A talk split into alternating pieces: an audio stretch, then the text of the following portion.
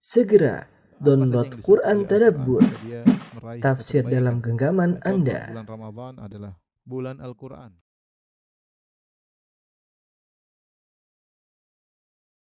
Bismillahirrahmanirrahim. Assalamualaikum warahmatullahi wabarakatuh. Alhamdulillahi ala ihsanih wa syukru lahu ala taufiqihi wa amtinanih wa asyhadu an la ilaha illallah wahdahu la syarika lahu ta'ziman li sya'nih Muhammadan abduhu wa rasuluhu da'ila ridwanih Allahumma salli alaihi wa ala alihi wa ashabihi wa ikhwanih.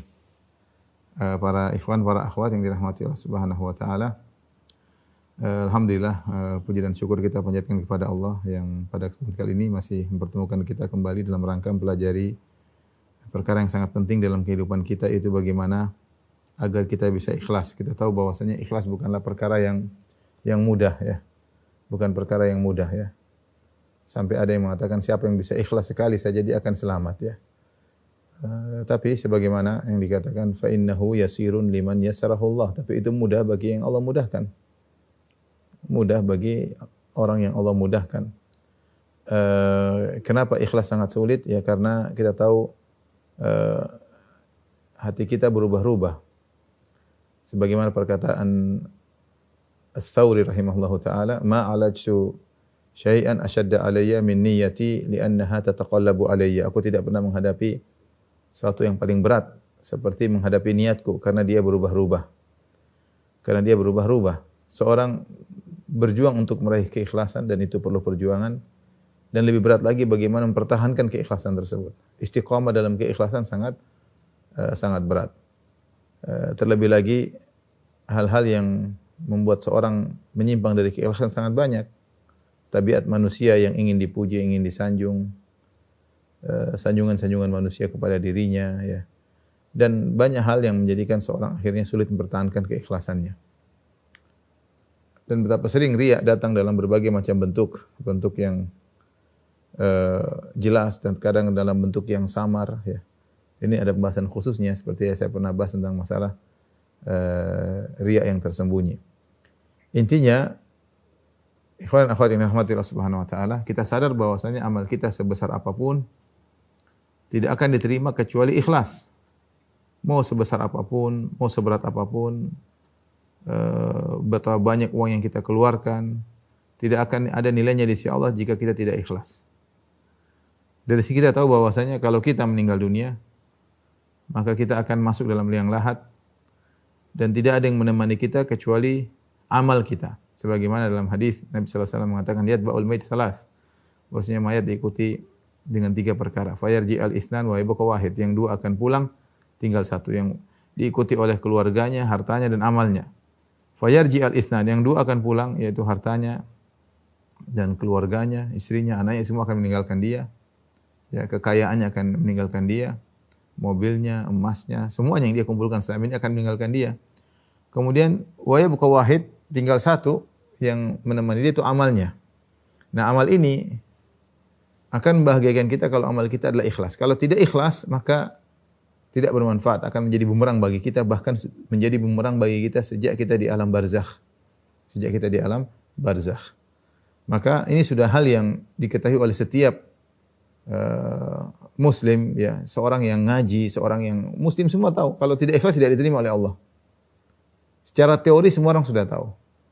Tapi secara praktek masih banyak di antara kita yang melalaikan hal ini. Tidak kurang peduli dengan masalah keikhlasan ya. Kurang peduli untuk memperhatikan isi hatinya.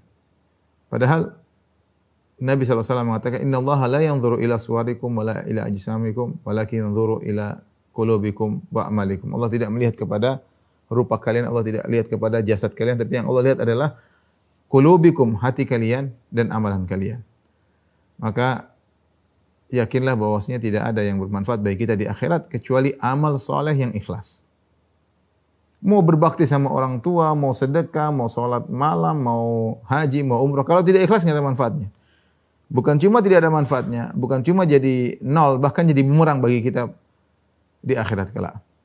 Maka ini menunjukkan kita perlu berjuang untuk meraih keikhlasan. Saya akan menyebutkan beberapa sebab yang membantu kita untuk bisa ikhlas kepada Allah Subhanahu wa taala. Eh, Saya akan sebut satu persatu, mudah-mudahan kita bisa mengerjakannya dan kita bisa bawa dalam kehidupan kita sehari-hari. Yang pertama, eh, ikhwan dan akhwat yang dirahmati oleh Allah Subhanahu wa taala, muraqabatullah. Yang pertama muraqabat artinya muraqab yuraqibullah, merasa bahwasanya Allah senantiasa eh, melihat kita dan menilai kita. Ya. Allah senantiasa melihat kita dan senantiasa menilai kita. Allah berfirman, "Ya'lamu kha'inatal a'yun wa ma tukhfis sudur." Allah mengetahui lirikan pandangan mata, pengkhianatan lirikan pandangan mata, wa ma tukhfis sudur Allah mengetahui apa yang disembunyikan oleh dada manusia. Apa pun apa pun yang kita lakukan, ya. Allah selalu melihat. Dan kalau kita lihat sadar Allah senantiasa melihat kita, dan itu derajat ihsan, maka ini mempermudah kita untuk ikhlas. Karena kita tersibukkan untuk memperhatikan pengamatan Allah sehingga kita lalai dari memperhatikan pengamatan manusia. Kita kan diamati nih. Allah melihat kita. Allah mengamati amal perbuatan kita. Manusia juga dengan komentarnya, dengan like-nya, dengan kemarahannya mungkin atau uh, tidak like-nya, non like-nya dan macam-macam. Ada ada ada pujian, ada uh, hinaan, ada cercaan, ada nyinyiran. Nah, kalau kita sibuk meyakini bahwasanya Allah senantiasa melihat kita, senantiasa menilai kita. Bukankah Allah menilai kita sekarang? Allah menilai kita. Kita ini dinilai oleh Allah Subhanahu wa taala. Maka kita akan mudah ikhlas. Makanya seorang berusaha mencapai derajat al-ihsan. Anta budallaha ka'annaka tarahu fa illam takun tarahu fa innahu yarak. Engkau beribadah kepada Allah seakan-akan uh, engkau melihat Allah. Jika kau tidak mampu, maka yakinlah Allah melihatmu. Seorang yang seperti ini mudah dia untuk ikhlas karena dia fokus pada penilaian Allah Subhanahu wa taala. Dia fokus pada penilaian Allah Subhanahu wa taala. Ini, ini yang, yang pertama, selalu kita hadirkan. Allah sedang melihat saya. Kita mau sholat, Allah sedang melihat saya. Kita mau sedekah, Allah sedang melihat saya. Kita sedang apa pun, yakin Allah sedang melihat kita. Sehingga uh, kita sibuk dengan penilaian Allah dan tidak peduli dengan penilaian manusia. Uh, di antaranya uh, yang kedua yang membantu kita untuk meraih keikhlasan, ya. Perhatikan ini. Uh, tatkala kita bermuamalah dengan siapa pun dengan manusia, kita ibadah ada ibadah dua, ada ibadah al-mahdhah seperti baca Quran, seperti sholat, seperti uh, sholat malam, ya, berdoa, berzikir, ya. Ini hubungan kita langsung dengan Allah Subhanahu Wa Taala. Namun ada ibadah-ibadah yang ber, berbentuk muamalah dengan orang tua kita berbakti, dengan istri kita kasih sayang, dengan anak-anak kita perhatian, dengan tetangga kita membantu, karib kerabat kita sedekah misalnya. Nah, terkadang kita lalai dengan hubungan kita dengan manusia-manusia yang lain. Padahal hubungan kita dengan manusia-manusia lain juga rawan untuk menimbulkan riak dalam hati kita. Kita bantu orang ingin dipuji. Kita bantu orang ingin disanjung ya. Sebagaimana kalau kita baca Quran di depan orang, sebagaimana kalau kita haji, kita umroh ada ada potensi untuk ria. Apalagi haji, apalagi haji plus ya. Uh, umrah ya. Ada potensi untuk ria ya, pergi ke Masjid Aqsa, pamer-pamer sana, pamer sini. Ada potensi untuk ria. Demikian juga hubungan kita dengan manusia juga ada potensi untuk ria. Tak banyak orang banggakan dia berbuat baik sama istrinya. Betapa banyak orang banggakan dia berbakti kepada orang tuanya, cerita sana cerita sini. Betapa banyak orang banggakan dia ber, ber, berbuat baik kepada tetangganya. Betapa banyak orang membanggakan dia berbuat baik kepada pegawai-pegawainya. Dia sudah bantu ini, bantu ini. Ternyata pintu riak bisa masuk lewat hubungan dia dengan Allah dan juga bisa masuk antara hubungan dia dengan sesama makhluk. Nah, saya ingin sampaikan pada poin ini. Tatkala kita berhubungan dengan makhluk, bagaimana agar kita bisa ikhlas. Nah, ketika kita berhubungan dengan makhluk, entah sama orang tua, entah sama adik, sama kakak. Kita bawa tadi yang pertama, yaitu kita meyakini setiap perbuatan kita dilihat oleh Allah. Nah, misalnya kita berbuat sama orang tua, misalnya kita pijit kaki orang tua kita. Dalam hati kita, kita menyenangkan orang tua, tapi ya Allah, ini saya lakukan karena Engkau ya Allah. Selalu connectingnya dengan Allah. Engkau yang menyuruh saya untuk menyenangkan hati orang tua saya. Kita ketahui-ketahuin orang tua kita, ya, tapi kita niatnya karena Allah Subhanahu Wa Taala. Tatkala kita membantu fakir miskin, kita bawa uang nih, bawa uang kita kasih kepada uh, fakir miskin. Ya. Ketika kita kasih bantuan, sudah selesai. Ya, muamalah kita dengan Allah ya Allah, ini perintahmu saya kasih. Selesai sudah urusan. Selesai. Sehingga ketika kita urusan kita dengan Allah bukan dengan dia, bukan dengan dia, maka kita tidak akan menunggu dia mengucapkan terima kasih dan kita tidak akan menunggu balas budinya. Kita karena urusan kita dengan Allah bukan dengan dia. Makanya di antara ciri-ciri para penghuni surga kata Allah Subhanahu wa taala wa yut'imuna ta'ama ala hubbihi miskinan wa yatiman wa asira innama nut'imukum liwajhillah la nuridu minkum jazaan wala syukura. Dan mereka memberi makan kepada fakir miskin, kepada anak yatim, kepada tawanan. Makanan yang mereka cintai, yang mereka sukai. Kata mereka innama nut'imukum liwajhillah. Kami beri kepada kalian karena Allah. La ma nuridu minkum jazaan wala syukura. Kami tidak butuh terima kasih dari kalian, kami tidak butuh balas budi dari kalian. Kenapa? Karena muamalah dengan Allah. Ketika kita muamalah dengan Allah, kita tidak nunggu. Nunggu dia bilang syukran, nggak perlu. Kalau nggak perlu, nggak tahu syukran, kasih aja. Sudah nggak usah nunggu dia bilang dia syukran, karena muamalah kita dengan Allah Subhanahu Wa Taala. Dari sini, eh, sebenarnya mengatakan, ya, bagaimana anda merasa harus menunggu terima kasih darinya? Sementara yang muamalah antara anda dengan Allah, anda ber, karena kebaikan itu murni dari Allah. Allah yang membukakan hati anda untuk berbuat baik kepada si miskin, Allah yang beri rizki kepada Anda untuk berbuat baik kepada si miskin, maka Anda tidak asah hakikatnya Anda tidak punya kebaikan kepada orang tersebut. Tidak ada. Bagaimana Anda minta balas budi pada perkara yang itu bukan milik Anda. Anda hanya mengantarkan kekayaan Allah, mengantarkan apa yang dimiliki oleh Allah untuk dia. Anda sebagai perantara doang. Tapi kalau Anda jadi perantara, Anda dapat pahala. Anda juga dapat pahala. Jadi ikhwan dan akhwat yang Allah Subhanahu wa taala perhatikan ini perkaranya sepele, tapi kalau kita tatkala bermuamalah dengan manusia, kita lupa connecting kita dengan Allah, kita bisa ria, kita bisa nunggu eh, berharap sanjungan, kita bisa berharap terima kasih. Kenapa ketika saat kita bermuamalah, connecting kita terputus. Jangan lupa ketika kita bermuamalah dengan siapa pun, bahkan kepada istri ya, apa kata Nabi SAW, Lasta tunfiqu nafaqatan tabtagi biha Allah illa ujirta alaiha hatta luqmata taj'aluha fi fimra'atik. Tidaklah engkau berinfak, kau mencari wajah Allah kecuali kau dapat pahala sampai suapan yang kau suapkan ke mulut istrimu. Dia sedang menyuap istrinya, hatinya connecting kepada Allah karena engkau ya Allah. Dia sedang bermasalah dengan istrinya, hatinya connecting kepada Allah karena engkau ya Allah. Ini harus dilatih. Kalau kita sering melatih diri untuk seperti ini, uh, kita lebih mudah untuk ikhlas kepada Allah Subhanahu wa taala. Ya, jadi yang kedua saya ulangi yang pertama kita selalu menghadirkan bahwasanya Allah sedang menilai kita, Allah sedang melihat, ada penilaian sebagaimana sebagaimana manusia juga menilai dengan laiknya dengan non laiknya uh, dengan pujian dan cercaan Allah juga menilai. Allah juga menilai. Allah sedang menilai hatimu, Allah sedang menilai gerak-gerik hatimu. Bahwa alimun bidzati sudur Allah mengetahui isi hati manusia. Allah tahu. Allah sedang menilai.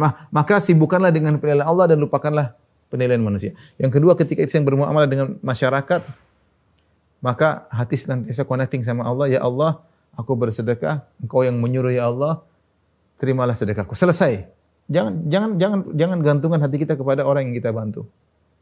Kita bantu misalnya berbakti, berbakti sama orang tua, berbakti ya sudah. Ya Allah, Engkau yang menyuruh aku menyenangkan hati ibuku, Engkau yang menyuruh aku untuk menyenangkan hati bapakku. Aku bantu mereka ya Allah sebisa aku karena Engkau ya Allah. Jangan tunggu terima kasih dari dari mereka. Apalagi kepada kakak, apalagi kepada adik. Allah yang suruh, selesai. Ya. Ini membantu kita untuk ikhlas kepada Allah Subhanahu uh, wa taala. Selanjutnya yang membantu kita untuk uh, bisa ikhlas kita ketika, sudah memahami yang pertama dan kedua. Yang ketiga yaitu kita berusaha melupakan semua pandangan manusia. Kita berusaha melupakan seluruh komentar manusia. Tidak usah sering-sering lihat komentar manusia. Kecuali kalau ada manfaatnya. Misalnya kita ingin tahu eh, respon orang-orang. Apakah paham dengan kajian kita atau tidak. Apakah ada syubhat atau tidak. Itu nggak ada masalah ya. Kita tanya, kadang kita habis pengajian. Ada yang paham gimana, paham nggak? E, ngerti nggak? Ada yang perlu ditanyakan nggak? Itu nggak kita perlu respon mereka karena ada maslahat. Tapi kalau responnya yang kita inginkan adalah pujian untuk menyanjung kita, maka ini jangan. Namanya kita mencelakakan diri. Pingin tahu dia muji saya atau tidak, pingin tahu hati ini, pingin tahu dia muji, berharap dia muji. Sudah itu nama, itu sudah itu sudah itulah ria, itulah ria. Itulah ria beramal untuk dipuji. Maka berusaha ketika kita beramal, berusaha untuk melupakan komentar manusia, ya. Karena apa? Karena komentar mereka, sanjungan mereka tidak akan merubah hakikatmu di sisi Allah Subhanahu wa taala. Sa dunia, satu dunia muji Anda kalau Anda jelek di sisi Allah tidak akan bermanfaat. Satu dunia menghina anak Anda, kalau Anda ternyata tinggi di sisi Allah, maka tidak tidak memberi mudarat hinaan mereka. Lihat kisah seorang wanita di antara anak-anak yang berbicara ketika masih kecil Rasulullah SAW sebutkan ada seorang wanita dia gendong bayinya. Tiba-tiba ada orang lewat, orang terkenal, orang kaya, orang terpandang sampai ibunya mengatakan, "Ya Allah, ibunya mengatakan ini orang kalau dia memberi syafaat pasti dikasih syafaat. Kalau dia melamar pasti diterima lamarannya. Ya Allah, jadikanlah anakku seperti dia." Maka anak itu bicara, dia lepas dia lagi nyusu, dia lepas puting dari puting ibunya. Dia bilang, "Ya Allah, jangan jadikan aku seperti dia." Ini padahal orang dipuji semua orang. Kemudian datang seorang seorang pembantu atau budak dipukulin, dituduh mencuri, dituduh macam-macam. Dia bilang, ibunya berdoa, ya Allah jangan jadikan dia seperti itu. Anaknya bicara, ya Allah jadikanlah aku seperti orang ini. Kenapa kata ibunya? Ini yang dihina-hina, yang direndahkan. Lebih afdal daripada min dhaka bimil il ard. Kalau yang, yang orang pertama itu satu dunia, isinya orang itu semua, dibandingkan satu orang ini saja masih lebih afdal satu orang ini. Artinya satu ini dibanding satu miliar orang itu lebih lebih afdal orang yang kedua meskipun dia dihina-hina. Artinya apa? Bisa jadi orang menghina, orang merendahkan kita. Kalau kita memang mulia di sisi Allah tidak akan mempengaruhi. Oleh karena jangan terpedaya dengan pujian dan sanjungan manusia. Dan jangan coba untuk menoleh, menoleh kepada pujian dan sanjungan manusia. Itu hanya memberi mudarat kepada hati kita dan tidak akan beri manfaat sama sekali kepada kita. Satu dunia puji kita kalau kita jelek di hadapan Allah percuma. Lihatlah ketika Nabi SAW menyebutkan tentang kisah tiga uh, penghuni neraka jahanam karena ria. Yang pertama yang berjihad di jalan Allah Subhanahu wa taala. Maka Allah bertanya, "Wa ma amil tafi apa yang kau lakukan dengan nikmat-nikmat yang aku berikan kepada engkau?" Kata dia, "Qatal tu fika hatta tushhid." Aku berperang karena engkau ya Allah sampai aku mati syahid. Kata Allah, "Kadzabta, walakin liqal annaka jari wa qad qil." Tapi kau ber, berjihad bukan karena aku, tapi supaya kau dikatakan pemberani. Wakodakil dan telah dikatakan. Artinya banyak orang muji dia. Dia, ter, dia terkenal, tersohor sebagai jagoan, sebagai pahlawan. Tapi apakah sanjungan manusia manfaat bagi dia? Enggak ada sama sekali. Tetap masuk neraka. Yang ini maksud saya seperti itu. Hati-hati. Terus anda, anda lihat-lihat sanjungan buat apa? Kalau nggak ada tujuan syar'inya untuk untuk memperbaiki misalnya apa namanya penyampaian mungkin kurang pas kecepatan atau bagaimana? Kalau kalau nggak percuma, buat apa? Buat mau puji, mau enggak ada puji, yang penting. Kalau tunggu pujian manusia, Nabi Nuh yang muji berapa? Cuma 80 orang setelah dakwah 950 tahun, enggak ada yang muji. 950 tahun berdakwah yang muji cuma 80 orang. Nabi mengatakan, "Wan nabiyya wa laisa ma'ahu ahad." Aku melihat seorang nabi tidak ada pengikutnya sama sekali. Enggak ada yang muji, enggak ada yang ngikutin dia. Satu orang pun tidak ada. Terus kemudian dia rendah di hadapan Allah, tidak dia tinggi di sisi Allah. Oleh karenanya lupakan saja komentar manusia. Lupakan. Kecuali ada manfaat maslahat syar'i yang Anda cari, silakan lihat. Tapi jaga hati, jaga hati. Jaga hati. Ini yang ketiga, ya. Yang ketiga jadi yakin bahwasanya pujian manusia tidak akan menambah kedudukanmu sedikit pun di sisi Allah. Cercaan manusia tidak akan merendahkan kedudukanmu sedikit pun di sisi Allah kalau kau mulia di sisi Allah. Ini harus kita yakin. Percuma orang muji semua Percuma Allah yang lebih tahu tentang diri diri kita. Yang keempat, ikhwan dan akhwat yang dirahmati Allah Subhanahu wa taala di antara kiat agar kita bisa ikhlas kepada Allah Subhanahu wa taala, sembunyikan amal. Kata Nabi sallallahu alaihi wasallam, "Man istata'a minkum an yakuna lahu khabi'un min amalin salih falyaf'al." Siapa di antara kalian yang mampu untuk memiliki amal saleh yang tersembunyi maka lakukanlah. Maka lakukanlah.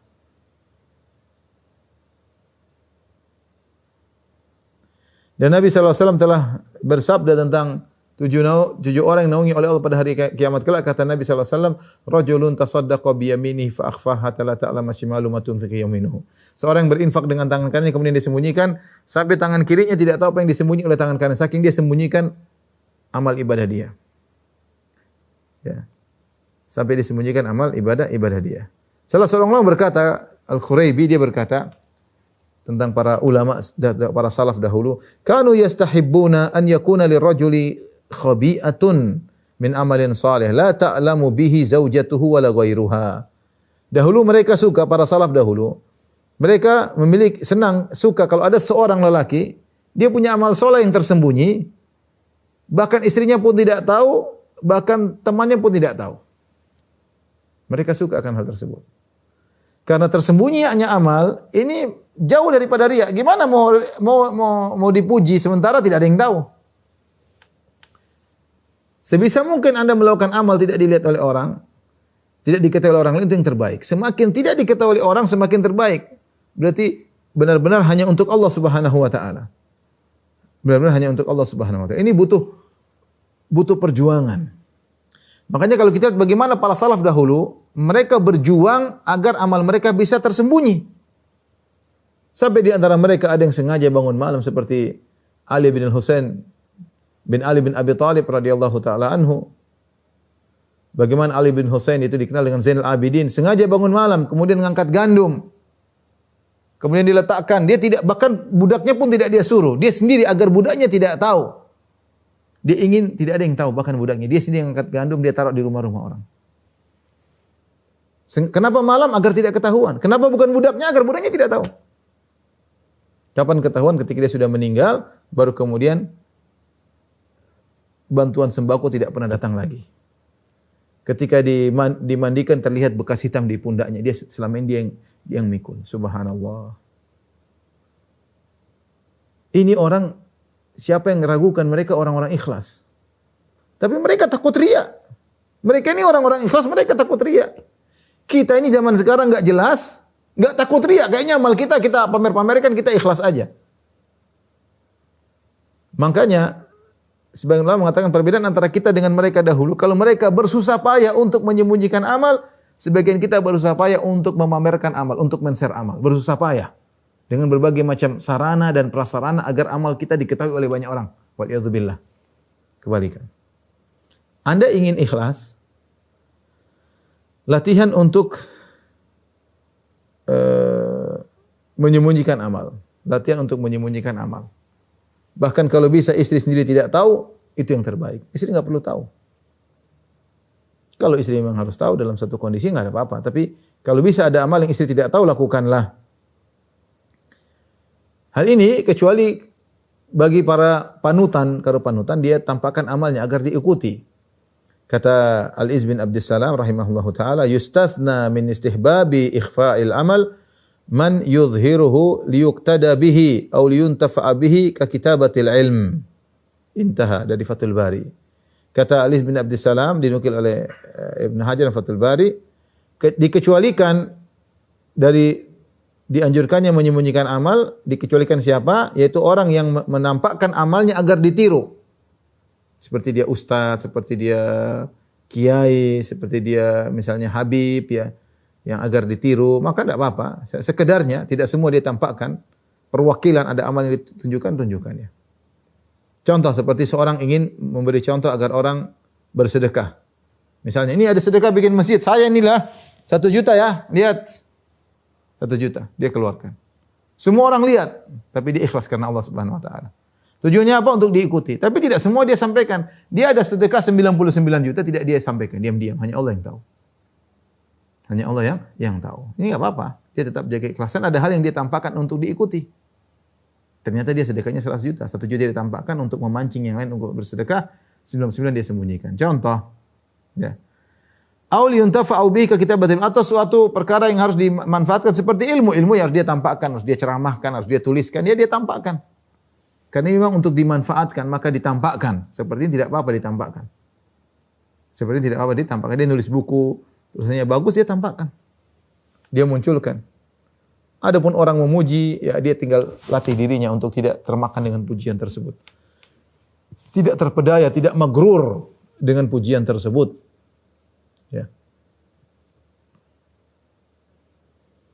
Jadi eh, Nabi mengatakan tadi maksudnya minkum an yakun lahu khabirun amal salih falyaf'al siapa di antara kalian yang mampu untuk memiliki amal saleh yang tersembunyi maka lakukanlah. Ini menyembunyikan amal ini sangat uh, uh, luar biasa ya. Oleh karenanya di antara hal yang membantu kita untuk ikhlas kita baca bagaimana para salaf dahulu. Bagaimana para salaf dahulu dalam menyembunyikan amal. Lihatlah tadi Ali bin Hussein bin Ali bin Abi Thalib Zainal Abidin yang menyembunyikan amal. Di antara mereka ada yang menyembunyikan amal agar tidak ketahuan ketika berjihad dia tutup wajahnya, tidak mau ketahuan. Karena yang berjihad tak tahu-tahu ada orang jago nutup mata, tidak pernah membuka wajahnya agar tidak ketahuan. Di antara mereka, kalau kita baca ada yang di antara mereka salat malam. Ketika dia bersafar tetap salat malam. Ketika menjelang subuh dia pura-pura tidur. Dia pura-pura tidur, kemudian ketika azan subuh dia pura-pura bangun sambil menggeliat, oh enak sekali tidur begitu. Kira-kira gitulah. Sehingga orang menyangka dia tidak bangun malam. Dia tidak ingin orang tahu dia bangun malam. Dia ingin hanya Allah yang tahu dia bangun malam. Bukan orang bangun malam kemudian share, eh malam ini saya sholat nyaman banget. malam ini saya sholat sambil nangis-nangis ya misalnya. Ya, ya.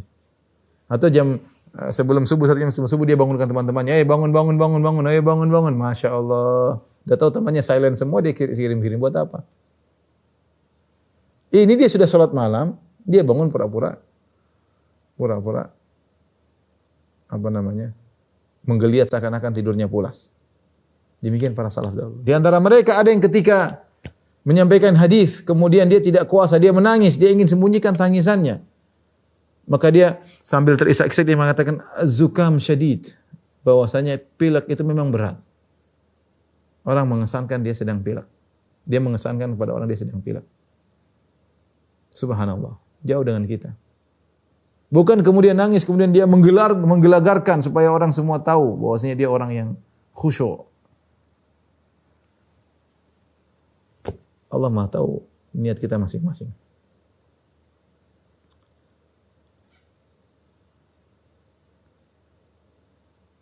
Di antara mereka ada yang seperti salah seorang ulama ya, Al-Mawardi disebutkan dalam biografinya. Al-Mawardi dia menulis buku hebat di antaranya Al-Hawi Al-Kabir. Puluhan jilid tentang fikih Syafi'i. Ini buku-buku yang al, al, uh, apa namanya kalau nggak salah Al-Kam Sultaniyah ya banyak dia tulis buku-buku yang hebat-hebat tapi disebutnya dalam sejarah dia tidak menyebarkannya dia tidak menyebarkannya dia bilang sama muridnya itu buku-buku saya letakkan di suatu tempat kalau nanti saya akan meninggal dunia kau lihat tanganku begini maka berarti saya tidak ikhlas bakar itu buku-buku semua jangan kau sebarkan. Tapi kalau kau lihat tangan, saya lupa tangan dia bilang kalau saya pegang atau saya lepas, tapi disebutkan dalam siar. Kalau saya genggam tanganmu berarti saya ikhlas, maka tebarkan bukuku itu. Kalau saya tidak begitu, maka bakar, bakar buku-buku. Dia kalau ingin, kalau ingin terkenal, dia tebarkan bukunya tatkala itu. Ya. Mungkin dia melihat sudah ada ulama yang lain sudah mencukupi, sehingga dia memilih bukunya tersebar setelah dia meninggal. Karena mungkin dia takut ria. Takut ria. Ajib kalau kita baca bagaimana siar para salaf dahulu ya. Kata Hasan Al-Basri, perhatikan. In kana rajulu laqad jama'a al-Qur'ana wa ma yash'uru bihi jaruhu. Sungguh ada seorang hafal Quran, tetangganya tidak tahu. Dia tidak gembar-gembor. Sungguh ada orang hafal Quran, tetangganya tidak tahu dia sudah hafal Quran, kata Hasan Al-Basri. Wa in kana rajulu laqad faqiha al-fiqh al-katsir wa ma yash'uru bihi nas Ada seorang dia ahli fikih dan orang tidak tahu. Wa in kana ar-rajul la yusalli salata tawila fi baiti wa indahu zawr wa ma yash'uruna bihi. Sungguh seorang salat sunnah di rumahnya dengan salat yang panjang. Ini dia punya dan dia punya tamu, tamunya tidak sadar. Bayangkan dia salat malam, mungkin kalau dia mau tampakkan dia kerasin bacaannya agar Tamu-tamunya bangun. Tapi tamu-tamunya bertamu di rumahnya tidak tahu kalau dia sholat malam panjang. Menakjubkan. Demikianlah para salaf dahulu. Kata Hasan al-Basri, "Walaqad adrakna aqwaman ma kana ala dhahril ardi min amalin yaqdiruna ala an ya'maluhu fi sirrin fayakunu ala niyatan abadan." Sungguh kami telah mendapati suatu kaum, itu para salaf dahulu. Ya. Tidak ada di atas muka bumi ini suatu amalan yang mereka mampu untuk sembunyikan, lantas mereka tampakkan. Selama mereka mampu sembunyikan, mereka akan sembunyikan. Kecuali yang harus ditampakkan. Selama itu mungkin disembunyikan, mereka akan sembunyikan. Abadan selama-lamanya. Mereka pasti sembunyikan. Walau qad kana al-muslimuna yajtahiduna fi du'a wa ma yusma'u lahum saut. Sungguh sebagian kaum muslim mereka berdoa dan mereka tidak terdengar kecuali desisan aja. In kana illa hamsan bainahum bain rabbihim azza wa jalla. Kecuali hanya desisan antara mereka dengan Allah yang dengar cuma Allah Subhanahu wa taala. Karena dalam doa juga bisa riya. Ikhwan dan akhwat yang hadirin maksud saya kita sadar diri bahwasanya di antara sarana agar kita bisa ikhlas adalah dengan menyembunyikan amal. Bukan dengan selfie-selfie ketika kita beribadah kemudian kita tebarkan ke sana kemari. Sayangilah dirimu, ketahuilah ketika kau meninggal yang menemanimu hanyalah amal soleh. Amal soleh mana yang menemanimu di alam barzah? Yang ikhlas. Yang enggak ikhlas, yang masih ragu-ragu, wallahu alam. Maka untuk memastikan kita ikhlas di antaranya, meskipun suatu hal yang bukan pasti, tapi kita berusaha. Di antaranya kita beramal tidak ada yang tahu. Yang tahu hanya Allah. Kita bagaimana mau cari pujian yang tidak ada yang tahu kecuali kita ngomongin baru orang tahu. Kalau tidak ada yang tahu gimana mau cari pujian dari mana? Maka lihatlah bagaimana para salaf dahulu berusaha untuk menyembunyikan amal soleh soleh mereka. Taib. Jadi saya ulangi, orang para salaf dahulu berusaha payah untuk menyembunyikan amal. Sebagian orang zaman sekarang berusaha untuk men-share amalnya. Yang berikutnya, saya nggak tahu yang keberapa ini. Hendaknya seorang berusaha untuk menjauhkan dirinya dari tempat-tempat yang bisa membuat dia terkenal. Para salaf dahulu sebagai seperti kalau tidak salah, tidak salah dari Ayub As-Sakhtiyani, dia kalau lewat jadi jalan jalan yang tidak ingin dilihat orang banyak, dia tidak suka jadi pusat perhatian. Dia nggak suka jadi suka suka nggak suka jadi pusat perhatian. Dalam Sahih Muslim dari hadis Sa'ad bin Abi Waqqas radhiyallahu taala anhu, "Inna Allah yuhibbul 'abda taqiyal khafi." Abda taqiyal ghaniyal khafi. Sungguhnya Allah Subhanahu wa taala menyukai hamba yang bertakwa, yang tidak tidak apa namanya mandiri ya wal khafi yang menyembunyikan diri, tersembunyi, tidak tidak suka tampil. Sebisa mungkin Anda beramal soleh tanpa tampil lakukanlah. Kalau ustaz memang harus tampil.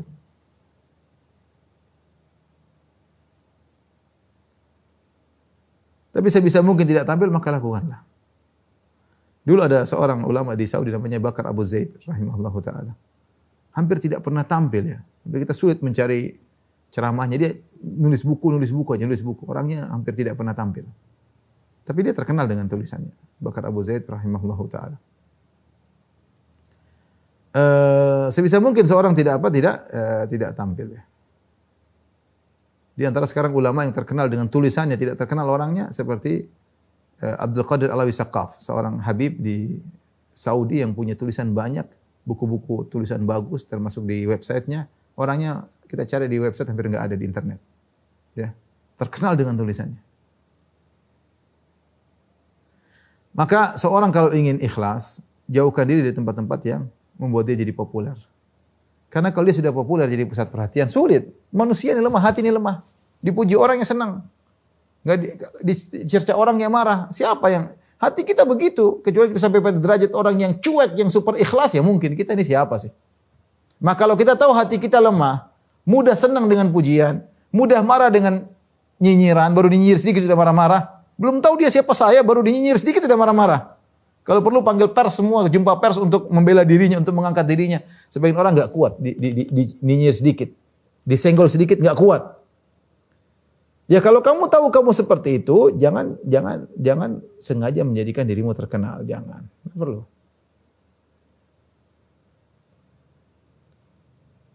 Apa kata Imam Syafi'i rahimahullahu taala?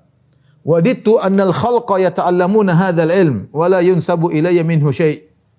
Aku berharap manusia semua belajar dari ilmuku ini dan tidak perlu mereka mengatakan ini ilmunya Imam Syafi'i, enggak perlu. Enggak perlu.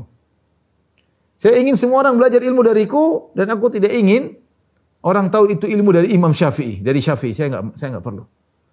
Lihat bagaimana, tidak pingin terkenal, tidak pingin tersohor. Tapi tidak pingin tersohor, Allah jadikan dia tersohor. Allah jadikan dia ter, terkenal. Kalau Anda tersohor, repot.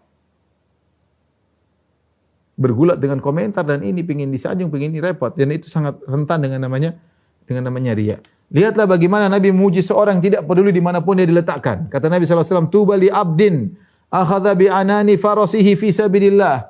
Sungguh beruntung seorang hamba yang memegang tali kekang tali kudanya di jalan Allah Subhanahu wa taala.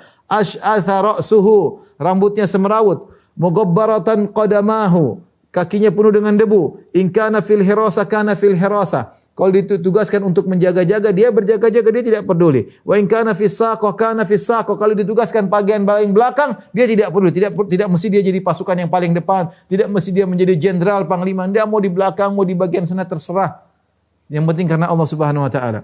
Ini sta'dzan lam yu'dzan lahu. Lihat, dia orang yang tidak dikenal. Kalau minta izin tidak diizinkan. Wa in syafa' lam lahu. Kalau dia beri syafaat, tolong tidak diterima syafaatnya. Ini orang apa? Tidak top. Tapi kata Nabi, tuba. Sungguh beruntung dia. Sungguh beruntung dia.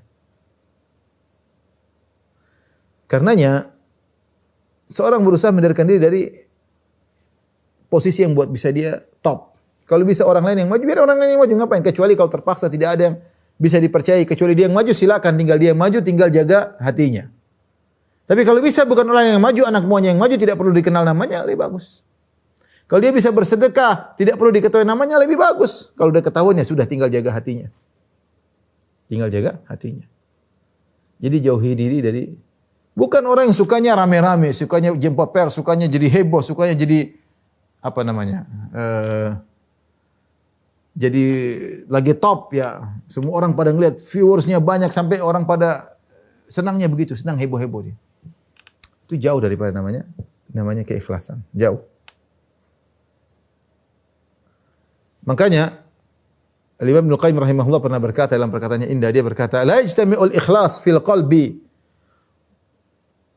wa mahabbatul madhi wa thana'i wa tama'u fima indan nas illa kama yajtami'ul ma' wan nar wa dhab wal hud. Kata dia tidak mungkin berkumpul antara ikhlas dengan suka dipuji. Tidak mungkin berkumpul antara ikhlas dengan suka dipuji. Suka, suka sanjungan manusia atau mengharapkan sanjungan manusia kecuali seperti berkumpul antara api dan air, tidak mungkin berkumpul. Orang kalau ikhlas tentunya tidak suka dipuji, tidak cari pujian.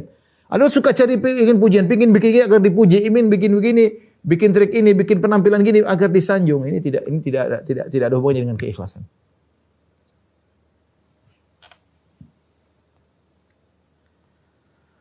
Tapi ikhwan dan akhwat yang rahmatillah subhanahu wa taala, di antara uh, hal yang kiat-kiat yang membantu kita untuk ikhlas di antaranya senantiasa memandang diri kita selalu melakukan kekurangan. Ya jangan merasa diri kita lebih ketika kita sudah melakukan kebajikan. Baik salat malam, jangan merasa kita istimewa, enggak. Kita salat malam kita penuh dengan kekurangan. As-sadiqina wal qanitina wal munfiqina wal mustaghfirina bil ashar. Allah memuji orang-orang penghuni surga kata Allah Subhanahu wa taala, as-sadiqina wal qanitina wal munfiqina wal mustaghfirina bil ashar. Orang-orang yang jujur imannya, yang berinfak di siang hari, ya, yang sabar. Kemudian di malam hari wal mustaghfirina bil ashar, di malam hari mereka beristighfar. Kapan? Di siang hari mereka salat, di siang hari mereka sedekah, di siang hari mereka sabar. Di malam hari mereka salat malam, di penghujung malam mereka istighfar. Astagfirullah, astagfirullah, astagfirullah. Kenapa mereka beristighfar setelah salat malam, setelah siangnya bersedekah? Karena mereka perhatikan perkataan indah dari Tahir bin Asyur kalau saya tidak salah. Dia berkata, mereka beristighfar dari ketaatan, bukan istighfar dari dosa. Lihat, mereka beristighfar dari ketaatan, bukan dari dosa. Kenapa? Karena mereka merasa ketaatan yang mereka lakukan penuh dengan kekurangan. Kebanyakan kita beristighfar dari dosa. Mereka tidak, bukan beristighfar saja dari dosa, bahkan beristighfar dari ketaatan. Kenapa? Karena mereka merasa kurang menjalankan ketaatan dengan sebagaimana mestinya. Makanya Nabi SAW kalau selesai sholat langsung astagfirullah, astagfirullah, astagfirullah. Karena Ya, Nabi Nabi merasa keagungan Allah lebih daripada ibadah yang Nabi lakukan. Ini sangat penting. Seorang tahu bahwasanya semua dia bisa salat malam, dia bisa bangun malam, dia bisa bersedekah semuanya karena Allah. Allah berfirman, "Walaula fadlullahi 'alaikum wa rahmatuhu ma zaka minkum min ahadin abada walakin Allah yuzakki man yasha." Kalau bukan karunia Allah dan rahmat Allah kepada kalian, maka tidak seorang pun dari kalian akan saleh, akan suci. Tetapi Allah mensolehkan, mensucikan siapa yang Allah kehendaki.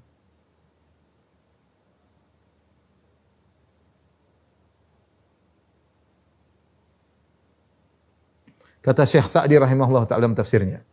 Yang bagi lil abdi kama kullama faragha min ibadah an yastaghfirallah an taqsir.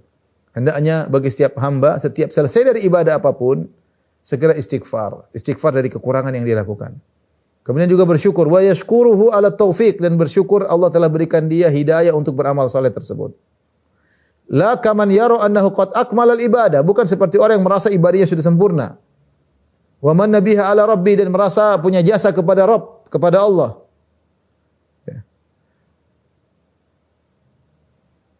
Wa ju'ilat lahu mahallan wa manzila rafi'ah. Wa fahadha haqiqun bil maqti. Kemudian ingin dijadikan bagi dia posisi yang tinggi gara-gara amal soleh dia. Orang seperti ini lebih berhak untuk dimurkai waraddil fi'li dan lebih berhak untuk ditolak amalnya.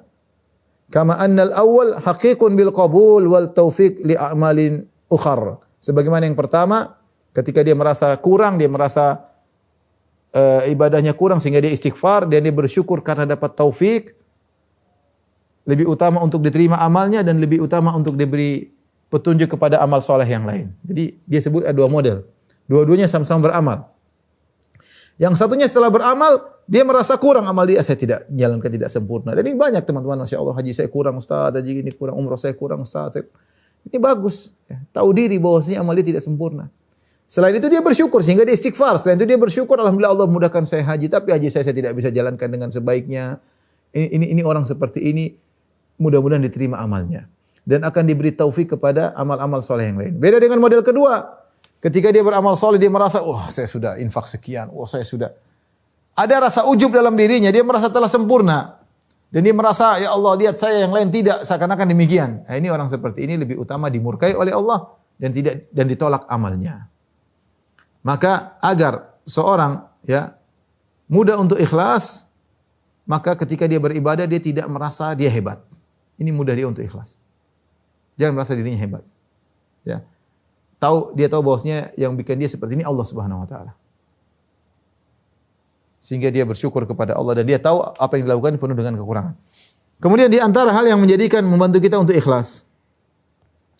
Di antaranya tolong berhenti sebentar ketika kita ingin beramal soleh.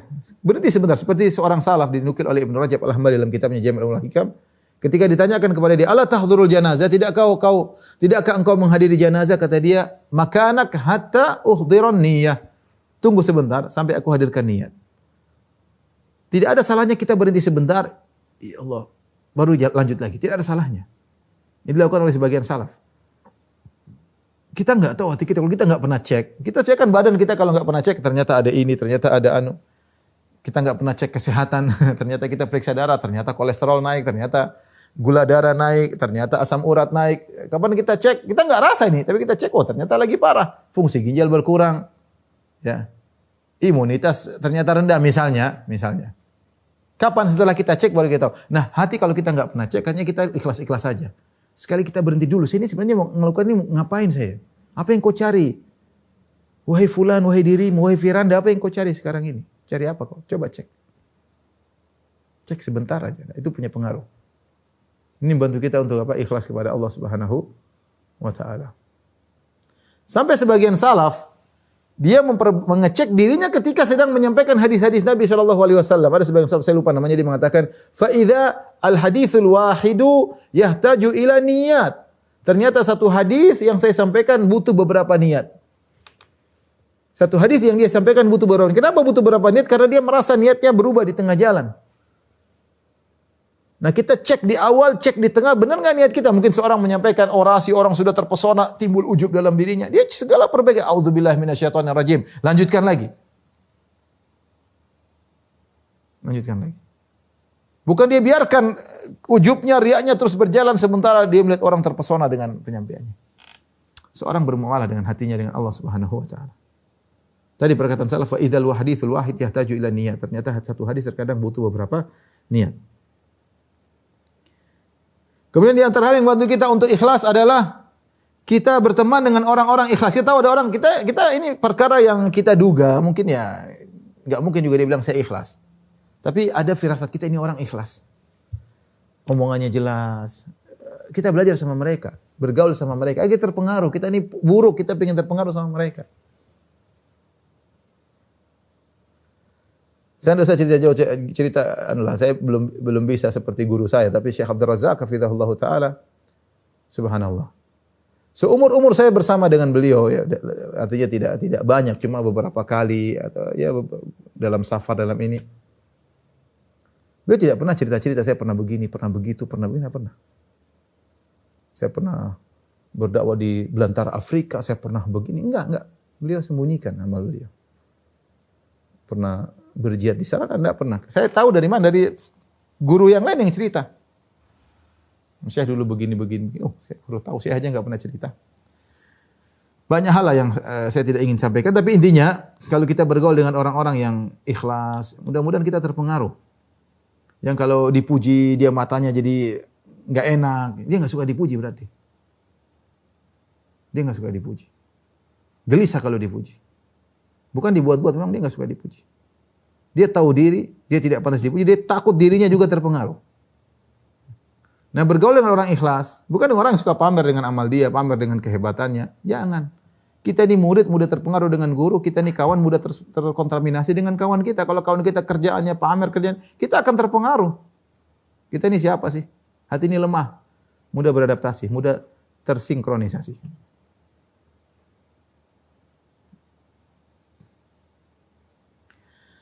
Kemudian di antara hal yang membantu kita untuk bisa ikhlas adalah ingat mati. Mau sholat, ya Allah ini mungkin sholatku yang terakhir. Kalau ingat mati kita, maka Rasulullah mengatakan, "Sholli sholatal sholatal muwaddi'in." Salatlah engkau seperti orang yang hendak meninggalkan dunia ini. Seorang yang hendak berpisah. Kalau kita sadar kita ini umroh kita mungkin umroh yang terakhir, kita akan lebih ikhlas, fokus kepada Allah. Kalau kita merasa ini haji kita yang terakhir, fokus kepada Allah. Kita merasa ini dakwah kita dakwah terakhir, kita akan fokus. Kita merasa ini sholat kita, sholat terakhir kita akan fokus. Cuma sulit menghadirkan tersebut. Tapi ini di antara sarana untuk ikhlas. Di antara sarana untuk ikhlas. Masih banyak ikhwan dan akhwat yang hati wa taala. Yang terakhir karena waktu terbatas, yang terakhir adalah jangan lupa berdoa. Ini adalah bukan yang terakhir, bahkan ini yang harus pertama. Adalah berdoa kepada Allah Subhanahu wa taala untuk mengikhlaskan hati kita. Ya, hati kita ini yang bolak-balikan adalah Allah Subhanahu wa taala. Di antaranya ya muqallibal qulub tsabbit qalbi ala dinik. Wahai yang bolak-balikkan hati manusia, tegarkan hatiku di atas agamamu. Allahumma hdi qalbi, ya Allah berilah petunjuk kepada hatiku. Ya Allah, hati ini lemah, mudah terpengaruh, uh, mudah meresap hal-hal yang baik maupun yang buruk. Hati ini lemah, berilah petunjuk kepada kepada hatiku ya Rabb. Di antaranya doa yang diajarkan secara khusus tentang hal ini adalah Allahumma inni a'udzubika an usyrika bika syai'an a'lamuhu astaghfiruka lima la a'lamu. Ya Allah, aku berlindung kepada Engkau dari kesyirikan yang aku sadari maupun yang tidak aku sadari. Ya, ya maknanya demikian. Ya Allah, Allahumma inni a'udzubika an usyrika bika syai'an wa ana a'lamuhu. Ya Allah, aku berlindung kepada Engkau dari berbuat syirik, mensekutukan Engkau dengan sesuatu pun yang aku sadari. Wa astaghfiruka lima la a'lamu dan aku mohon kepada Engkau ampunan atas kesyirikan yang tidak aku sadari.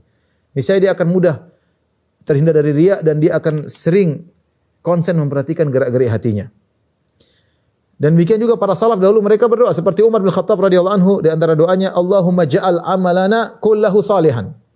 Dia berdoa Allahumma ja'al amalana kullahu salihan. Ya Allah jadikanlah amal kami seluruhnya amal saleh. Amal saleh itu ikhlas dan sesuai dengan sunnah Nabi wasallam.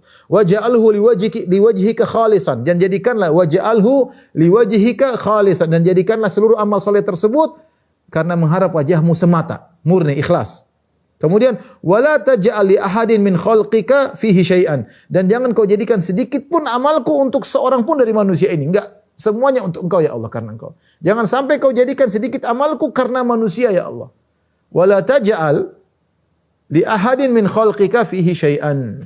Ini doanya Umar. Saya ulangi dia berdoa, Allahumma ja'al amalana kullahu salihan waj'alhu liwajhika khalisan wa la taj'al li ahadin min khalqika fihi syai'an.